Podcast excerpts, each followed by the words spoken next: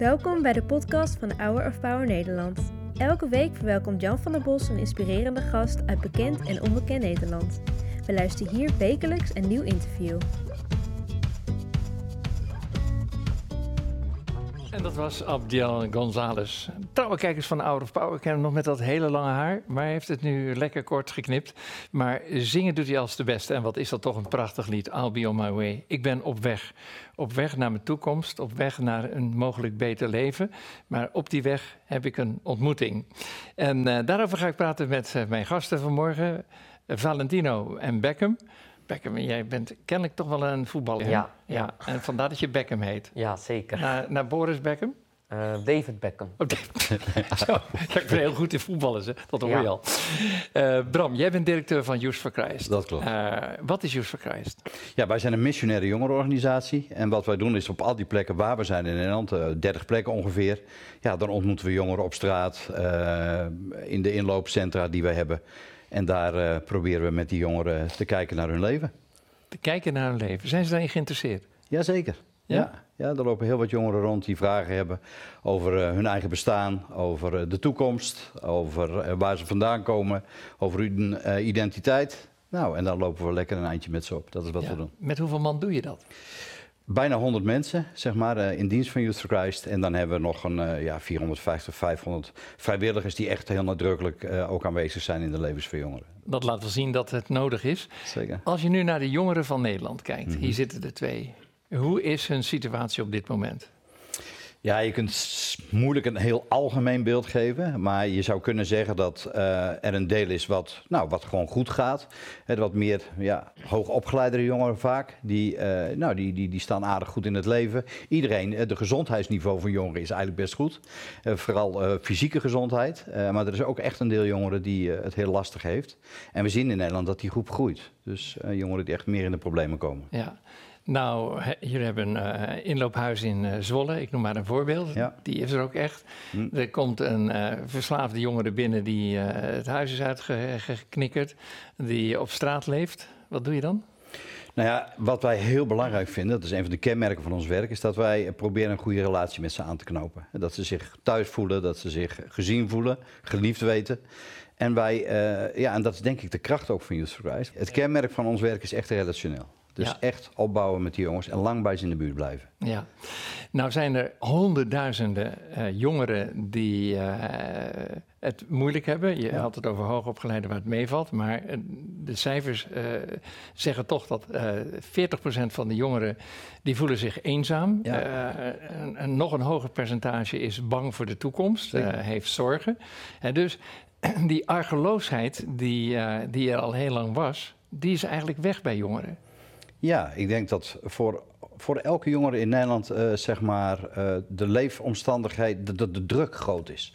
Ja. Dus je voelt vaak bij jongeren eh, een soort externe druk op hun leven. Je moet ze- presteren. Ze, moeten presteren, ze moeten ergens bij willen horen, ze moeten alles mee willen maken. Dus het is echt heel veel druk, waardoor ze ook onrustig worden. En er is heel veel, ik geloof meer dan 53% jongeren die zeggen dat ze zich nooit rustig voelen. Dat er altijd druk is. Ja. En dat voelen we ook. Ja. En 450.000 jongeren die gewoon in de jeugdzorg terechtkomen. Dat zijn grote aantallen. Bijna een half miljoen. Ja, dat is veel. Ja. Nou, vang eh, jij ze op met je medewerkers. Eh, begin je gelijk met de Bijbel op het hoofd te slaan? Nee, nee, dat gaan we niet doen. Nee, we, we spreken echt met ze. Er wordt altijd voor ze gebeden. Eh, soms weten ze dat, soms weten ze dat niet. Maar daar ligt de kracht van ons werk uiteindelijk. Eh, maar we gaan niet gelijk eh, over Jezus spraken. Ja, spreken. ja. Nee. Is al een hele oude organisatie, hè? Of zeker. bestaat al heel lang, laat ik het zo zeggen. Het is een hele frisse club. Maar we bestaan al 75 jaar, dat klopt. Ik kom heel veel mensen tegen die ergens in hun leven iets hebben meegemaakt met Youth for Christ. Ja, hier zit er ook Daar een. zit er een. Ja. Ik heb ooit samen met een vriend, hè, de Youth for Christ Koffiebar, was een begrip in Nederland opgericht. En daar kwamen toen ook al jongeren die eh, een beetje wilden keten. En ik had een hele grote hond, Caesar.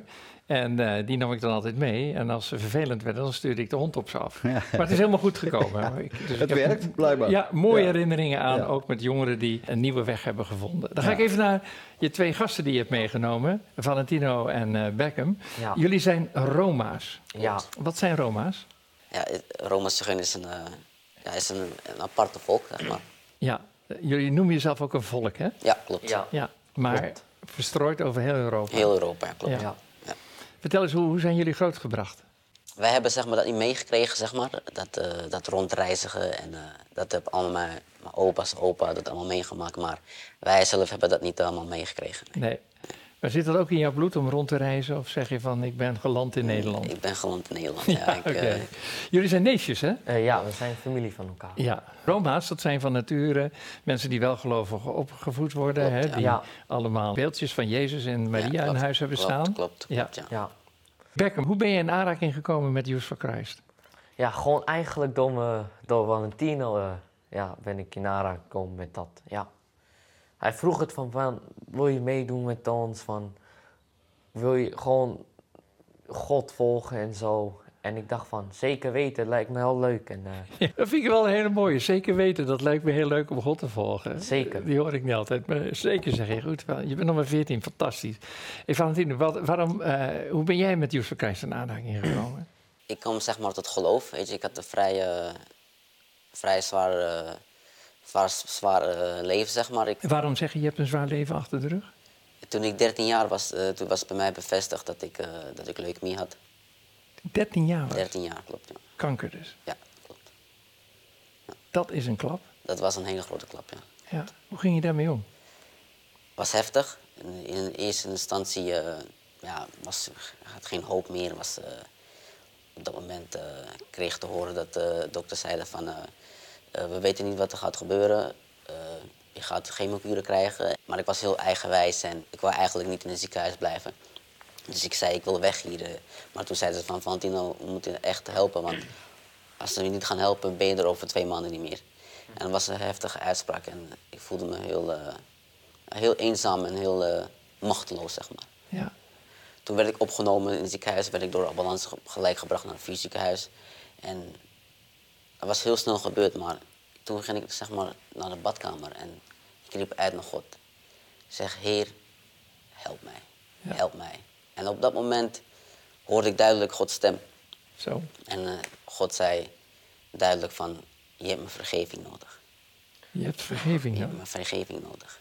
Want het staat ook in, eh, in Romeinen 3. Want, en iedereen heeft gezondigd.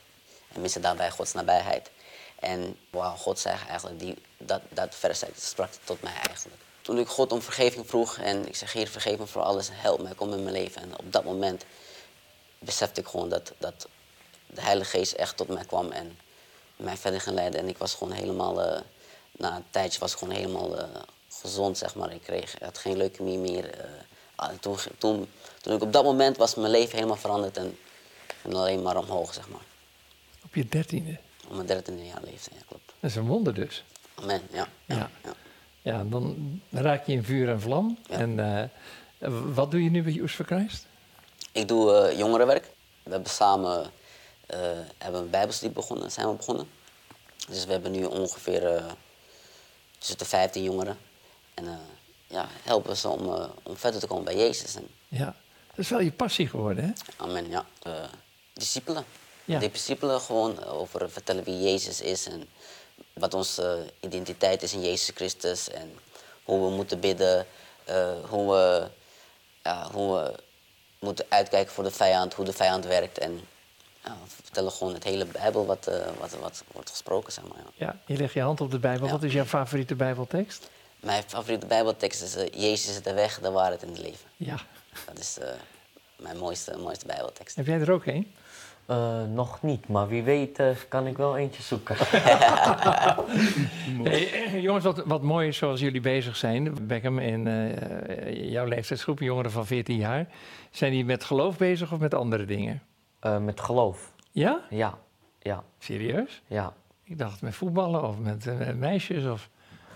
Eh, ze- ik, kijk, eh, gewoon, ik eh, geloof in Jezus. En daarna gaat Jezus voor mij uitzoeken met welke vrouw ik eh, moet eh, trouwen. ja. Hey Beckham, jij eh, bent vernoemd naar David Beckham. Ja. Ik zeg het nou goed, de beroemde voetballer. Ja. Is het ook jouw droom om voetballer te worden? Ehm, ja. Ja, niet echt, maar ik hou er wel van. Ja. Ja, Heb je ook een favoriete club in Nederland? ja Ajax. Ajax. Ja. En eh, wat, wat vind je zo leuk? eh, want jullie hebben ook een voetbalclubje hè, als, eh, ja, als klopt, jongeren. klopt. Ja, Ja. ja. Wie is de beste voetballer van het team? Ja, we zijn allemaal goed. We, zijn ja, gewoon, we werken allemaal. samen als een team. Ja. Ja. Ja, maar dan kan er maar één de beste zijn. Of maakt dat bij jullie niet uit? Nee, we Oh. werken gewoon eh, samen. Ja. Ja. Eh, dus het is niet alleen de hele dag eh, door over je geloof praten, maar ook leuke dingen doen, zoals voetballen, met elkaar gaan eten en dat ja, soort dingen. ja, ja, Ja? Ja. Wat is je droom?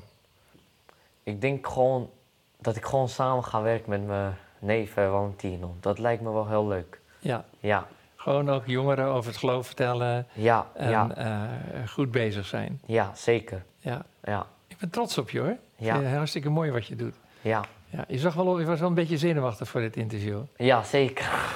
Valt het mee? Ja, valt het mee? Ja, het valt mee. Oh, gelukkig. hey Valentino, wat eh, is jouw droom? Mijn droom is gewoon het liefst gewoon over de hele wereld gaan of vertellen over wie Jezus is en eh, wat Ja. Jezus voor ons kon doen. Ja. En, eh, Waarom ben je daar zo gepassioneerd over? Wat drijft jou?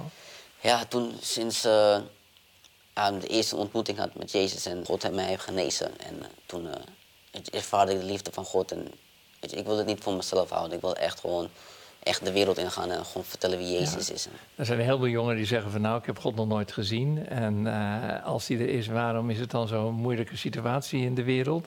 Eh, jij twijfelt nooit? nee, nee, Nee? Nee. Nooit. nee, nooit. Hoe kan dat dan? Jezus is de weg, de waarheid en het leven. En gewoon, ik vertrouw gewoon op het woord, wat het woord zegt. Want Jezus zegt ook in zijn woord dat, dat hij vandaag en tot eeuwigheid hetzelfde is. Jezus is nooit veranderd. En daarom blijf ik ook gewoon wat, het- wat het woord zegt en wat de Bijbel zegt ook. Ja. Als je het allemaal hoort, dat moet je toch wel raken, Ja, Bram. Want tuurlijk. dit zijn maar een paar jongeren van de vele duizenden die jullie per jaar Ja. bereiken. Dat klopt, ja. Ja, dat raakt me ontzettend.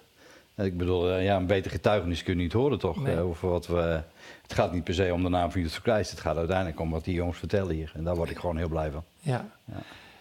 Wat is de droom van Joes voor Christ? eh, want die vraag ik ook aan jou voor de toekomst. Kijk, de droom is natuurlijk dat elke jongere ergens in dit land... Wij richten ons heel erg op de kwetsbare jongeren. Maar ja, onze droom is natuurlijk dat elke jongere in dit land ergens iets gaat ervaren... van wat Valentino net vertelde. Ja. Dat je uiteindelijk de waarde vindt in je relatie met Jezus. En dat daar ook de rust zit in alle dingen die op... We kunnen ze niet zorgeloos maken, hè, als je begrijpt wat ik bedoel. Maar we kunnen ze wel zeg maar, in hun identiteit gewoon versterken door eh, dat- dat ze bij, eh, bij God de Vader hun waarde vinden en hun waardigheid vinden. Ja. Dat is eigenlijk wel belangrijk, denk ik. Ja. Waarom ben jij zo gepassioneerd? Wat raakt jou om dit te doen? Nou, allereerst vind ik jongeren gewoon geweldig. Omdat ik, ja, daar zit iets onbevangens in en eh, niet zoveel ja maar en al die volwassen gedoe. Nee, gewoon jongeren vind ik prachtig. En het is de toekomst. Er wordt heel vaak over de toekomst gesproken op allerlei terreinen van ons leven rondom of het nou de angst is voor een oorlog of, of, of de stikstofcrisis of wat dan ook. Maar hier zit de toekomst, deze mannen. En daar moeten we in investeren. En dat, dat, dat is één. En twee, ik heb zelf in mijn leven mogen ervaren hoe belangrijk het is om ergens ook die rust en je, je waarde te vinden bij God. En dat gun ik iedereen. Wat mooi dat je met eh, je stuur een leiding mag geven aan eh, zo'n belangrijke club, als ik het zo mag zeggen, Ja. voor, eh, voor Nederland. Als jij alle billboards van Nederland vandaag mocht vullen met een boodschap. Mhm. Dus overal in Nederland bij, beeld, bij bushokjes, langs Ja. de snelwegen. Wat zou de tekst zijn? Ja, ik zou er echt op laten zetten. Jongeren zijn de toekomst, hou van ze. Dat is denk ik de tekst. Jongeren zijn de toekomst, hou van ze. Kijk. En eh, daar kan ik me helemaal in vinden. Ik heb voor jullie allemaal een eh, cadeautje. Bram, eh, jij kent Hour of Power, Ja. eh, heel goed zelfs. Dit is net het nieuwe dagboek van Bobby Schuler. 365 bemoedigingen. Bemoediging kan iedereen gebruiken, alsjeblieft. Dankjewel. Hé hey, jongens, wat is jouw lievelingsdier? Mm, eh, ik denk een leeuw. Ja, voor mij Leeuw van Juda. Nee, je gelooft het niet. Kijk eens wat ik voor jullie heb. Een leeuw. Ja, een leeuw. Hoe is het mogelijk, hè? Ja, dankjewel. Lees even voor wat erop staat eh, hem. Je kan zo mooi lezen. Wees niet bevreesd, want ik ben met u. Wees niet verschrikt, want ik ben uw God. Jij? Ik sterk u, ook help ik u. Ook ondersteun ik u met mijn rechterhand. Isaiah 41, vers 10. 10.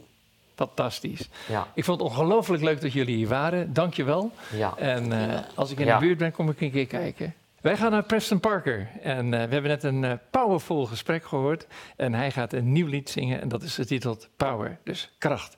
Wat je ook bij een leeuw ziet. En wat je ook bij deze jonge leeuwen ziet.